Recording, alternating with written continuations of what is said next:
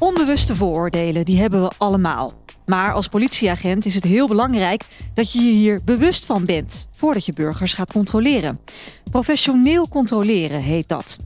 Gaat een agent op vooroordelen af, dan kan dat etnisch profileren zijn. En dat mag niet. Hoe kan virtual reality helpen bij die bewustwording? Kunnen agenten anders leren kijken door gebruik van deze technologie? Dit is de Academie. Politiewerk in perspectief. Met Nina van den Dungen. In deze podcast praat ik met mensen uit de politiepraktijk en met de onderzoekers van de Politieacademie. De gast vandaag is Bas Beuing, politieman, en hij doet promotieonderzoek binnen de politie naar hoe agenten het beste kunnen en willen leren. En dan met name op het thema politie voor iedereen, waar de politie gezamenlijk werkt aan een veilige en inclusieve organisatie. Hij heeft een virtual reality tool ontwikkeld, waarmee agenten zich bewust worden van vooroordelen. En ook bij mij aan tafel zit wijkagent Stefan de Jong. Werkzaam in het basisteam Kennemer Kust. En nadat hij de VR-tool probeerde, was hij dol enthousiast. Zelfs zo enthousiast dat hij nu ook zelf trainingen geeft aan collega's. Fijn dat jullie er allebei zijn. Ja, dankjewel. Bas, voordat we gaan praten over die VR-tool, moet je denk ik even wat beter uitleggen wat nou precies etnisch profileren is.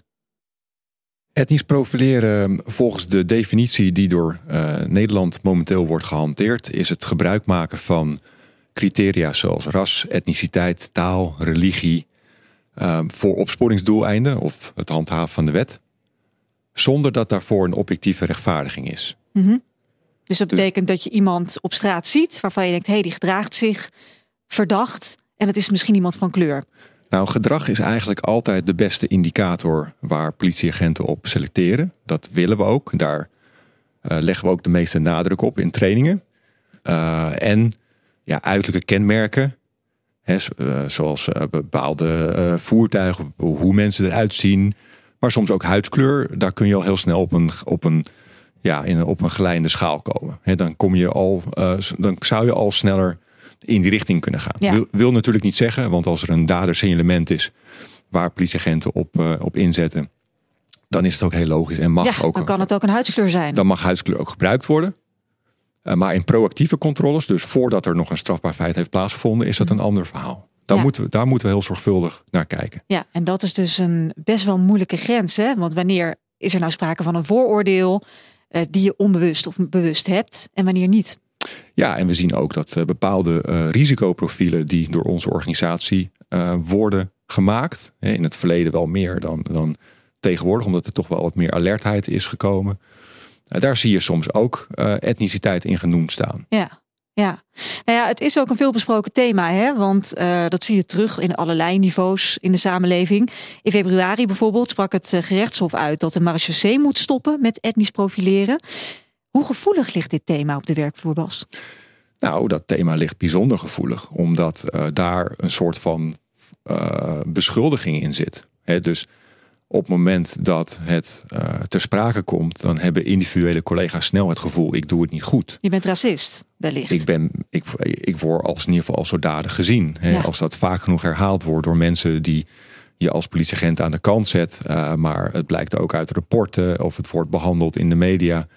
Uh, dan wordt de politieorganisatie daar natuurlijk in eerste aanleg op aangesproken. Maar wij als politiemensen, ik ben er zelf natuurlijk ook één, Mhm. mm -hmm. Wij identificeren ons natuurlijk met dat werk. We zijn ook trotse politiemensen en wij kunnen ons door zo'n uh, door zo'n beschuldiging toch best wel aangesproken voelen. Ja, ja. Stefan, hoe zit dat bij het uh, basisteam Kennemer Kust? Ligt het daar ook gevoelig? Um, ik denk dat we inmiddels uh, uh, de gevoeligheid eraf is. Omdat we gebruik maken van de tools die we nu ter beschikking hebben. Omdat we gebruik maken van de bewustwording die het professioneel controleren met, uh, met zich meebrengt. Waardoor de discussie eigenlijk altijd open is en op tafel is. Toegankelijk voor iedereen. Ja. Um, maar ik dat was het eerst wel. Want je zegt we zijn eigenlijk dat stadium gepasseerd. Ja, en ik denk dat wat Bas zegt, dat dat, dat absoluut waar is. Uh, het wordt in de media genoemd. We worden daar allemaal als politieman, ook al is het de organisatie die wordt aangesproken, voel je je aangesproken persoonlijk. En dat doet wat ook met je als gevoel als politie, uh, politieman. Ja. Dus, ik, dus het heeft af, absoluut uh, gevoeligheid gehad. maar inmiddels het onderwerp gewoon heel goed bespreekbaar. Nou, dan ben ik wel heel benieuwd. Die VR-tool, het is natuurlijk gewoon een bril waarin je uh, een, een andere werkelijkheid ziet. Of in elk geval de werkelijkheid wordt nagebootst. Wat voor training heb jij ontwikkeld? Ja, dit is denk ik wel eerst heel goed om uh, duidelijkheid te krijgen. Die VR-bril zoals wij hem gebruiken, wij zetten hem niet in als, als einddoel. Het is, geen, het is geen doel op zich, maar het is een middel waarmee we een uh, gesprek beginnen en een gesprek faciliteren. Dus um, wat mensen doen, dat is stap 1 van de training, dat, is die, dat het VR-gedeelte is. Deelnemers wanen zich in een door ons uh, gefilmde, gecreëerde omgeving. Hè. Dus het is een uh, scenario dat zich afspeelt op een station. er is een scenario wat zich afspeelt op een parkeerplaats. Um, op een plein. en daar lopen heel veel mensen. Ja. En een deel van die mensen zijn acteurs, zijn wat figuranten, maar er loopt ook gewoon publiek. Dus er valt heel veel te zien. En daar hebben we eigenlijk twee verhaallijnen in uitgezet. Een verhaallijn waarvan wij weten dat politieagenten daarop reageren, omdat de uiterlijke kenmerken van die personen die daar aanwezig zijn, eh, de aandacht trekken. Hebben we het dan over huidskleur? Bijvoorbeeld. In combinatie vaak met een, een type voertuig of uh, combinatie van verschillende personen. Waarvan... Een iets te dure auto, kan ik me dan zo indenken. Bijvoorbeeld. Hè, dus we hebben een casus met een, een witte, witte Mercedes. Uh, en die, die gezien de locatie en de jongens opvalt, omdat het een vrij duur ogend voertuig is. Ja. Um, en, en maak het concreet, zitten er Marokkaanse jongens in? Of hoe, in in dat scenario uh, hangen daar uh, drie Marokkaanse jongens bij. Uh, omdat we ook zien dat dat ook een kaas is die we veel vanuit de praktijk terugkrijgen. Dus we hebben alle scenario's zo realistisch mogelijk gemaakt. Dus, dus vertrekpunt is altijd echte bestaande kaastieken. Ja, precies. En je gaat daar dus ook in als agent. Ja, en wat we in hetzelfde, in hetzelfde openingsscherm hebben, hebben daarnaast, dus naast die verhaallijn, hebben we ook een verhaallijn met afwijkend gedrag. Er zit altijd ergens een verhaallijn ingestopt waar de deelnemer ook iets kan herkennen wat afwijkend is, misschien zelfs wel uh, verdacht of crimineel, Mhm. waar we eigenlijk ook op hopen dat die deelnemer Dat ziet. dat ziet. Want er is dan- geen melding van, hij moet het zelf hij zien. moet het zelf zien en dat zit altijd een beetje verstopt. Maar Ja. als je het ziet, dan zie je het en dan moet je, daar, eh, moet je daarop handelen. Dus wat dan gebeurt, in die setting kun je twee verhaallijnen kiezen. Soms is zelfs nog een derde toegevoegd. Uh, en afhankelijk van wie je kiest, met die persoon ga je een, een pad op. Een gesprek aan. gesprek Want je aan. gaat er naartoe. Ja, dus stel nou, ik kies voor die jongens uh, die, bij, die, Mercedes? bij die Mercedes staan. Dat is niet het pad wat wij wenselijk achten, maar waarvan we wel weten dat gaat gebeuren. Dat gebeurt ook in de praktijk. En wat dan gebeurt is, uh, die deelnemer, uh, ja, die moet zich dan natuurlijk daar ja, goed, goed manifesteren en, en, daar ook goed uitkomen. Dus wat ga je doen? Hè? Want die jongens, die gaan ook een vraag stellen. Waarom worden wij gecontroleerd? Um, um, als jij als deelnemer kiest voor opschalen en je gaat escaleren, je kiest voor de escalerende lijn door uh, Ik wil je voertuig ID-bewijs, controleren. ja, te vragen. Vervolgens kun je eventueel kiezen om eventueel het voertuig te doorzoeken. Alles wat jij erin stopt, krijg je ook terug. Op een nare manier. Op een nare manier. Ja, ja. En wat je dan ziet, alle beslissingen moeten ook in vijf seconden gemaakt worden. Net als uh, op straat heb je ook niet uh, eeuwig de tijd om je beslissing te maken. Dus je ziet dat we, we deelnemers ook onder druk zetten door die tijd. En door de feedback die ze krijgen in die VR, die als heel echt wordt ervaren. Dus mensen krijgen echt wel een beetje stress in zo'n in zo'n scenario waar ze moeten kiezen. Ja, je bent gewoon, het is een, eigenlijk een hele realistische. Exact, exact. En wat dan gebeurt, en, en dat is het leuke, en daar zit denk ik ook de magic, is dat we na afloop um, die verschillende deelnemers die allemaal individueel zo'n traject hebben gelopen, zetten we bij elkaar in een groep en we gaan een, een gesprek starten. Mhm. En dan beginnen we natuurlijk met de mensen die de minder goede keuze hebben gemaakt, want dat weten wij als gespreksleider. Dat was die, die, die witte Mercedes was de minder goede precies, keus. Ja. precies. Stefan, had, jij de witte Mercedes gekozen of had jij een andere? Uh, uh, in, in de basis wel, want het is inderdaad in, in deze specifieke casus is dat wat, uh, wat het eerst opvalt. Ja. En als politieagent word je dan gewoon ja, getriggerd vanuit je nieuwsgierigheid. En dan ga je daar naartoe. Ga daarheen, Ja. maar dan, wat Bas ook zegt, je kan keuzes maken. En als je dan vervolgens wel de andere verha- verhaallijn oppikt, dan kan je daar weer van afstappen en teruggaan. Dus ja, Ja. Dat, dat kan. Ja, en Bas, je zei inderdaad, dan zet je daarna dus alle agenten bij elkaar en dan ga je bespreken wie heeft wat gekozen en wat is er nou gebeurd. Exact, exact. En dan komen mensen die aanvankelijk heel trots zijn op hun beslissingen, komen erachter dat er eigenlijk ook andere opties waren. Die misschien wel tot een veel beter resultaat hebben geleid. En dat, uh, dan zie je twee verschillende reacties ontstaan. Je hebt natuurlijk de defensieve politiemensen die ja, daar ook niet zo goed mee om kunnen gaan op dat moment. Ik zeg ook echt nadrukkelijk zegt- op dat moment. Ja, want jij zegt op dat moment, eh, goh, het was niet de, de juiste keuze om naar die witte Mercedes te gaan. dat Nou, mensen zich dan aan, aangevallen ik probeer, voelen. ik probeer zo zelf zo min mogelijk te dicteren en aan het woord te zijn. Ik laat ze zelf op zoek gaan naar dat antwoord. Want dat werkt over het algemeen veel beter.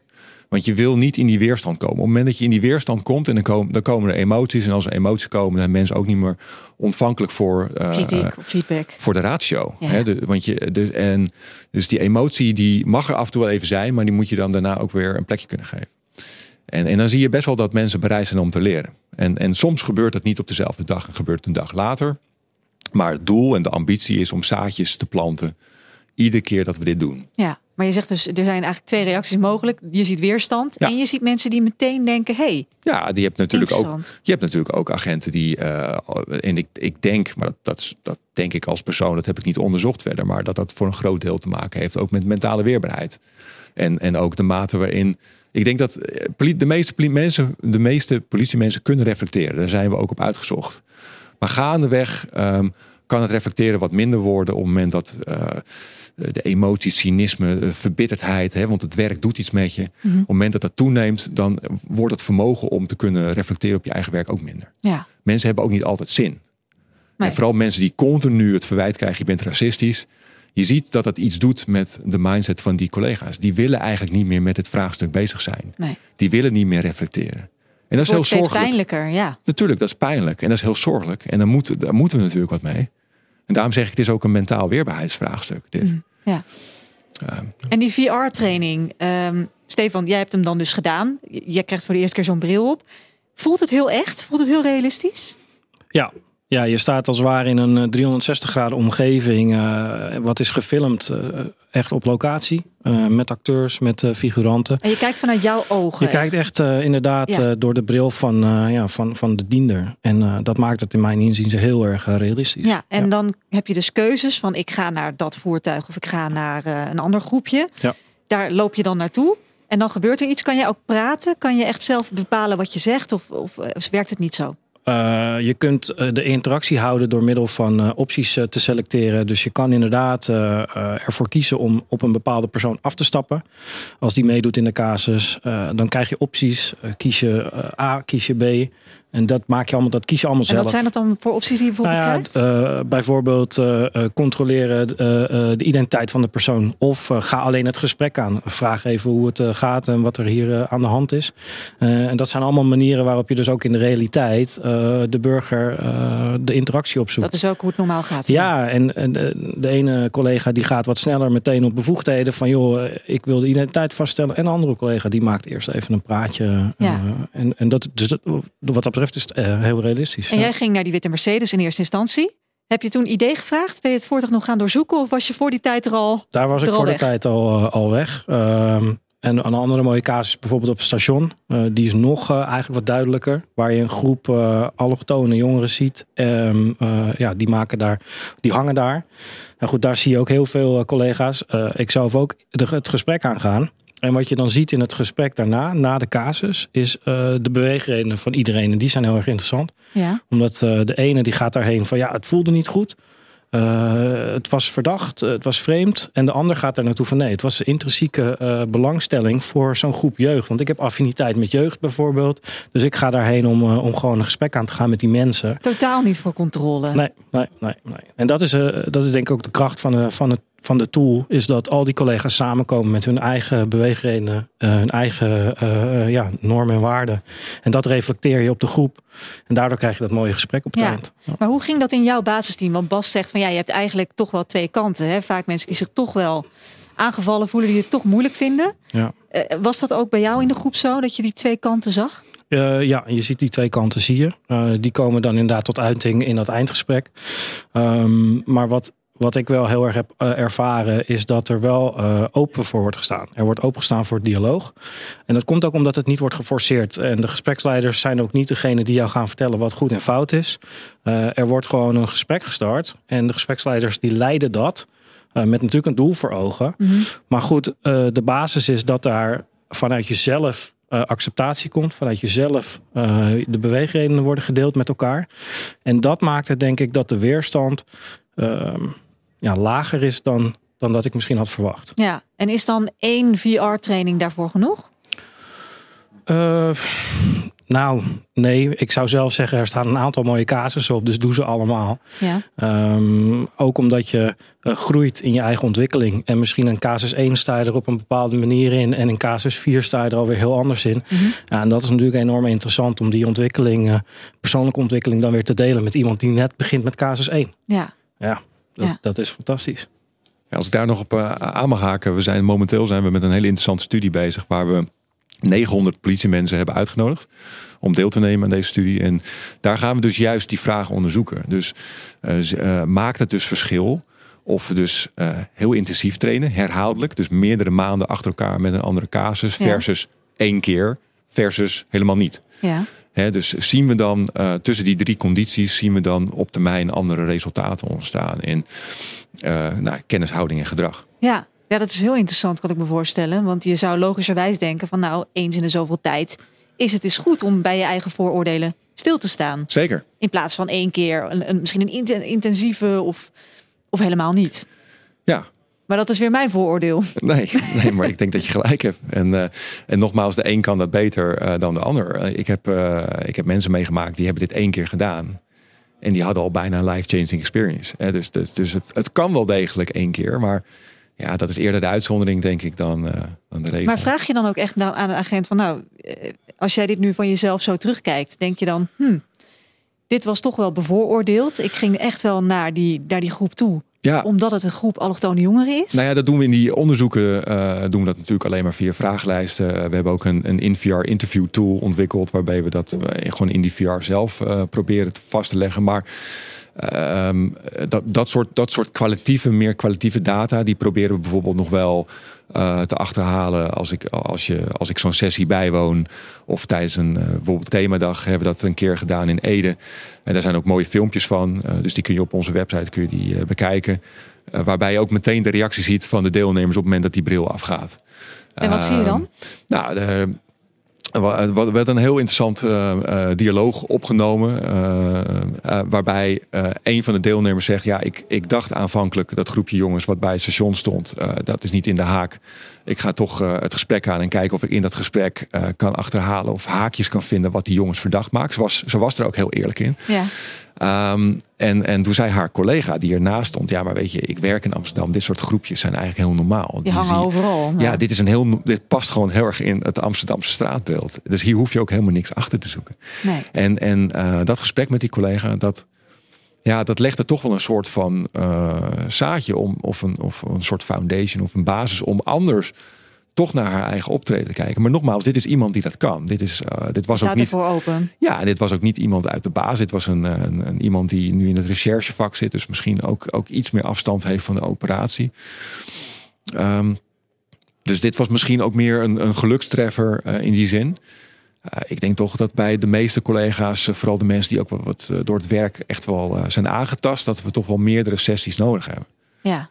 Ja. Omdat ze dan zo'n bril afzetten dat je ook ziet dat ze balen. Omdat ze misschien de verkeerde keuze hebben gemaakt. Ja, want het ze... voelt uh, sommige, uh, bij, sommige, bij sommige mensen voelt het echt als verliezen. Hè? Dus, uh, en, en het is natuurlijk nogal wat. Hè? En, en, en, en um, daarom is het ook belangrijk om een goede gespreksleider te hebben. Want die, die gespreksleider die stuurt dat gesprek.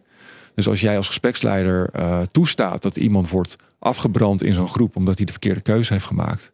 Dan ben je niet lekker bezig. Heb je natuurlijk geen veilige setting. Nee. En dan is het leervermogen is natuurlijk ook minder. En Stefan, waarom denk jij dat deze techniek zo goed werkt? Um, ik denk dat het werkt omdat je uh, bezig bent. Um, je leert terwijl je het doet, terwijl je ziet en terwijl je de ervaring opdoet. Um, en, het, en ja, nogmaals, ik kan het ook niet genoeg benadrukken. Het belangrijkste, het valt in staat met het, het gesprek wat daarna plaatsvindt. Ja. Uh, inzichten die je met elkaar opdoet, want je gaat echt als groepje aan de gang. Um, ik heb zelf ervaren dat het gewoon heel fijn is om, uh, om met collega's je, je, je meningen en, en et cetera te delen. Om daar feedback op terug te krijgen. Om dat inderdaad op een veilige, in een veilige omgeving uh, te doen. Mhm. Um, en dat heeft er ook gewoon voor mij persoonlijk voor gezorgd dat ik die inzichten meegenomen heb. En ze tot op de dag van vandaag nog steeds toepas in mijn dagelijkse werkzaamheden. Als het gaat om het controleren van, uh, van personen. Um, dus, en hoe lang geleden heb jij met jouw groep deze training gedaan? Uh, nou, voordat ik zelf me, uh, een rol erin ging, uh, in, in, ging pakken in het uitleren op het team. Dat is ongeveer, nou zeg twee jaar geleden. Ja.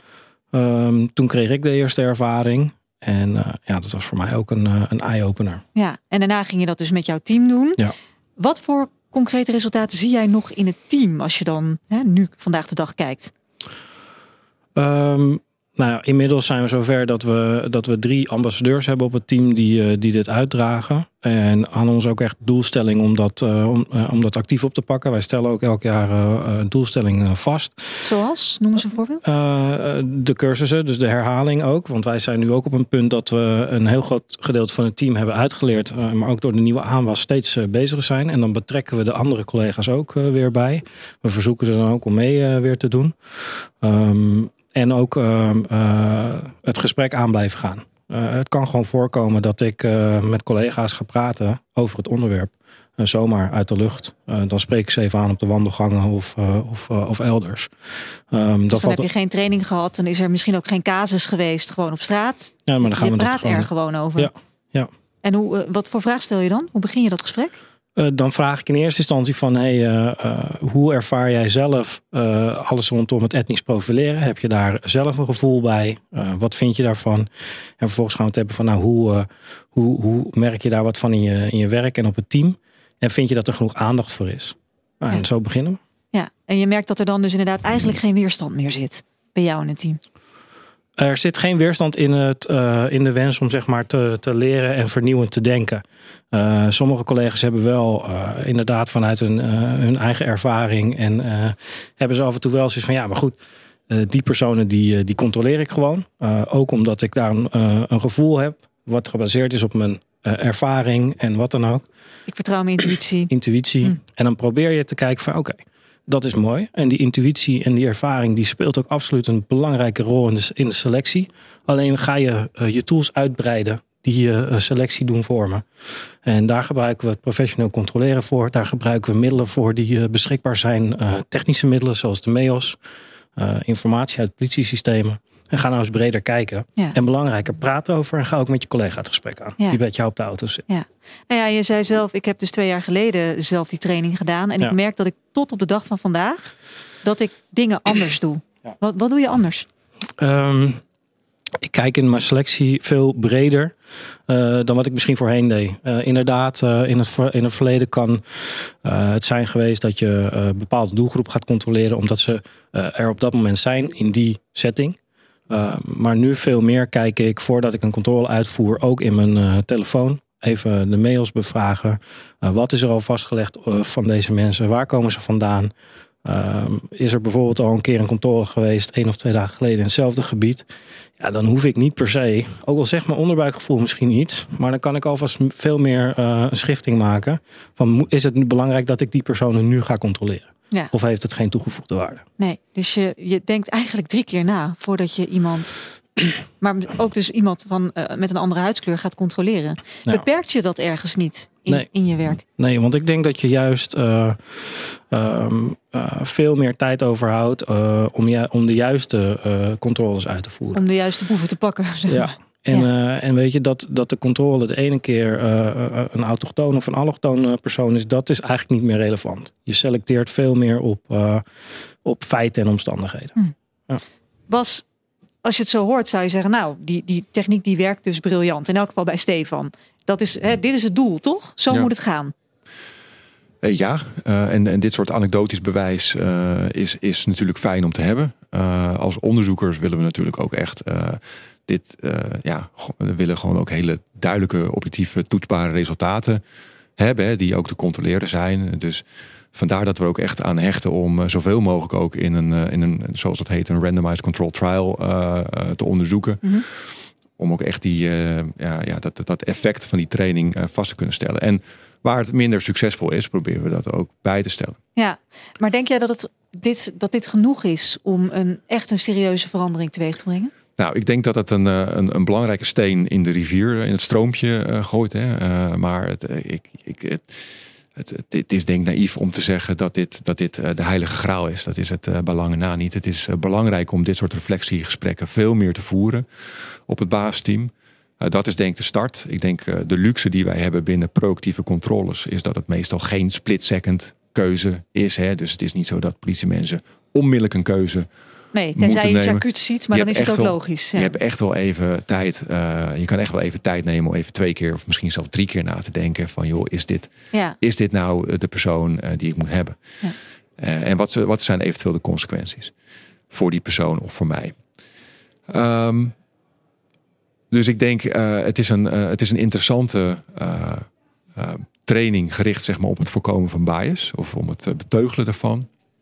Maar je zal dit echt herhaaldelijk moeten toepassen om, eh, om, om, daar, om daar meer mee Ja. te doen. Zodat je wel zeg maar, in die split seconds ook effectief kan handelen. Maar dat moet dus nog uit, officieel uit het onderzoek met die 900 mensen komen. Dat het inderdaad wenselijk is om het herhaaldelijk te doen. Ja, maar nog steeds zeg maar, kijken we echt in die, eh, in die proactieve context. Ja. En eh, binnen het onderzoek kijken we ook veel meer op teamniveau van wat doet dit met, ehm, met weerstanden, met eh, veilig eh, het gevoel hebben dat je alles kunt zeggen eh, en alles kunt delen. Ja. Want dat is denk ik echt, tenminste, denk ik, ik weet zeker, dat is de basis. Ja. Daar begint het. Nou heb ik gehoord, Stefan, dat jij die brillen ook wel eens mee de wijk inneemt. Ja. Met welk doel? Ehm, ja, dat begon eigenlijk als een idee van joh, eh, wij kijken eigenlijk door onze eigen bril. Hè, en we hebben, we hebben te maken met, ons, eh, met de v- vooroordelen en, eh, en de meningen over etnisch profileren die er zijn vanuit de burgermaatschappij. Ehm, ja, dan wilde ik wel eens ervaren hoe dat dan eh, door de burgermaatschappij daadwerkelijk eh, eh, gezien wordt. Dus je laat burgers eh, Ja, je deze laat, eh, casus doen. Ja, je Ja? laat de burger de casus doen en je gaat eigenlijk met hetzelfde vraagstuk ga je aan de gang daarna om een gesprek eh, aan te gaan. En om te vragen van nou, hoe, hoe, hoe vinden jullie dit? En ja, dat En? er Wat, wat Ja. krijg je voor reacties? allerlei uiteenlopende reacties, ook een beetje afhankelijk van de doelgroep waarmee je aan de gang gaat, jeugd of, of wat meer oudere personen. Maar we zien ook gewoon dat in de basis een aantal dingen heel erg aansluiten op hoe politiemensen denken vanuit de burgermaatschappij. En dat komt natuurlijk ook, wordt gevoed hè, door, de, door de media en door juist door die aannames over etnisch profileren. Zien we ook dat veel burgers in die casus die groep op het station eh, gaan aanspreken in eerste instantie. Ehm, ik heb ook een, een sessie gedaan met, eh, met mensen van de, eh, de Nationale Ombudsman. Daar zat ook een, een rechter tussen. Ja, daar worden ook diezelfde keuzes gemaakt. En ja, ik vind dat, ik vind dat Fascinerend. interessant om te zien. Ja, ja, dat snap ik. Ja. Ehm, alle agenten die nu bij jou in het basisteam zitten, hebben die al deze VR-training gehad? Nou ja, eh, nee. En dat komt omdat er ook veel nieuwe aanwas is. Dus we, we lopen eigenlijk steeds een beetje achter. dat is goed eh, nieuws achter. op Dat is zich, Ja. absoluut. Maar Ehm, wordt het in de opleiding al meegenomen of, of is dat nog niet iets wat vast ligt? Eh, dat weet ik eigenlijk niet eh, zeker. Zou je Bas deze VR-experience ook nog in kunnen zetten voor iets anders dan, dan professioneel controleren? Nou ja, ja, zeker. Kijk, ook eh, op het gebied van wetenschappelijk onderzoek eh, biedt het gewoon heel veel kansen. Want je creëert feitelijk eh, voor het eerst ehm, creëer je een, een gecontroleerde omgeving, een soort eh, laboratorium. Hè? Dus je kan hele complexe vraagstukken, zoals etnisch profileren, op een gecontroleerde manier eh, meten. We zijn nu bezig, we hebben nu een film gemaakt waarbij we de karakter hebben gedeepfaked. Dus we hebben van een, een witte man hebben daar een zwarte man van gemaakt. Ehm, en dat is natuurlijk het enige wat we dan gemanipuleerd hebben. Dus de rest is allemaal hetzelfde. Dus wat je kunt doen in potentie is je kan 100 mensen eh, in de ene groep zetten en 100 mensen in de andere groep en kijken of er verschillen zijn in keuzes die er gemaakt worden, maar ook in hoe die keuzes onderbouwd worden. Hè, misschien is die witte jongen op de Zuidas eh, eh, wel onderweg naar een borrel hè, met zijn Zuidas-vrienden. Ook lekker een stereotyp beeld natuurlijk. Heel maar- erg stereotyp. maar we zitten met hier toch. en zo, ja. En ehm, in het andere scenario zou dat misschien, eh, ja, misschien wel een drugsdealer kunnen zijn. Exact. Weten we niet, willen we gaan onderzoeken. Maar dat zijn eventueel nog extra dingen die je met die VR eh, zou, zou kunnen doen. We hebben nu ook Ja. twee studenten die change of perspective doen. Dus die laten zeg maar ehm, in, het, in het scenario van dat station confronteren ze die deelnemers die die jongens hebben aangesproken met hun eigen gedrag, maar dan gefilmd vanuit een ander perspectief, namelijk het perspectief van die jongeren. Waardoor er mogelijk ja, toch een soort van empathie ontstaat. Ehm, mogelijk. Eh, ook dat zijn we aan het controleren of aan het bekijken in een experimentele setting. Dus Ja. het creëert heel veel mogelijkheden, ook op wetenschappelijk eh, ja. vlak. En het Ja. is dus qua gamification, hè, dat, dat hoor je heel vaak, spelenderwijs leren. Werkt dit dus goed? Stefan, heb jij nog ideeën waarvan je denkt, nou, als, als ik dan mag kiezen, dan zou ik in ons team dit ook nog heel graag in een VR-tool willen hebben? Los van het, eh, thema. Ja. eh, Misschien Ja, wel nou, wanneer zet je een wapen in of wanneer Ja, niet. en ik, ik denk ook Taser, absoluut, ja. dat, eh, dat nieuwe stroomstootwapen. Ik denk inderdaad dat de mogelijkheden eindeloos zijn. Ehm, je prikkelt eh, zeg maar zintuigen die je in een andere soort van simulatie niet kan prikkelen. Ehm, en, en dat geeft, eh, ja, de- het is het, het dichtstbijzijnde van een echte ervaring, zeg maar. En ehm, eh, dat kan zeker bijdragen in, eh, in, in, in alle facetten. Dus ik kan zo even niet één onderwerp noemen, maar er zijn er absoluut genoeg eh, waar je dit kan toepassen. Heel veel dank voor eh, jullie eh, uitgebreide uitleg hierover. Stefan de Jong, wijkagent en onderzoeker Bas Beuing. Wil je nou zelf meer weten over die VR-tool? Dan kan je eventjes kijken in de show notes bij deze aflevering, want ik zet daar allemaal interessante linkjes neer. Deze podcast, de Academie, die is er elke eerste maandag van de maand. Vond je dit nou een boeiende aflevering? Review hem dan eventjes met een hele positieve beoordeling, want dan weten steeds meer mensen ons te vinden. Mijn naam is Nina van den Dungen. Heel veel dank voor het luisteren.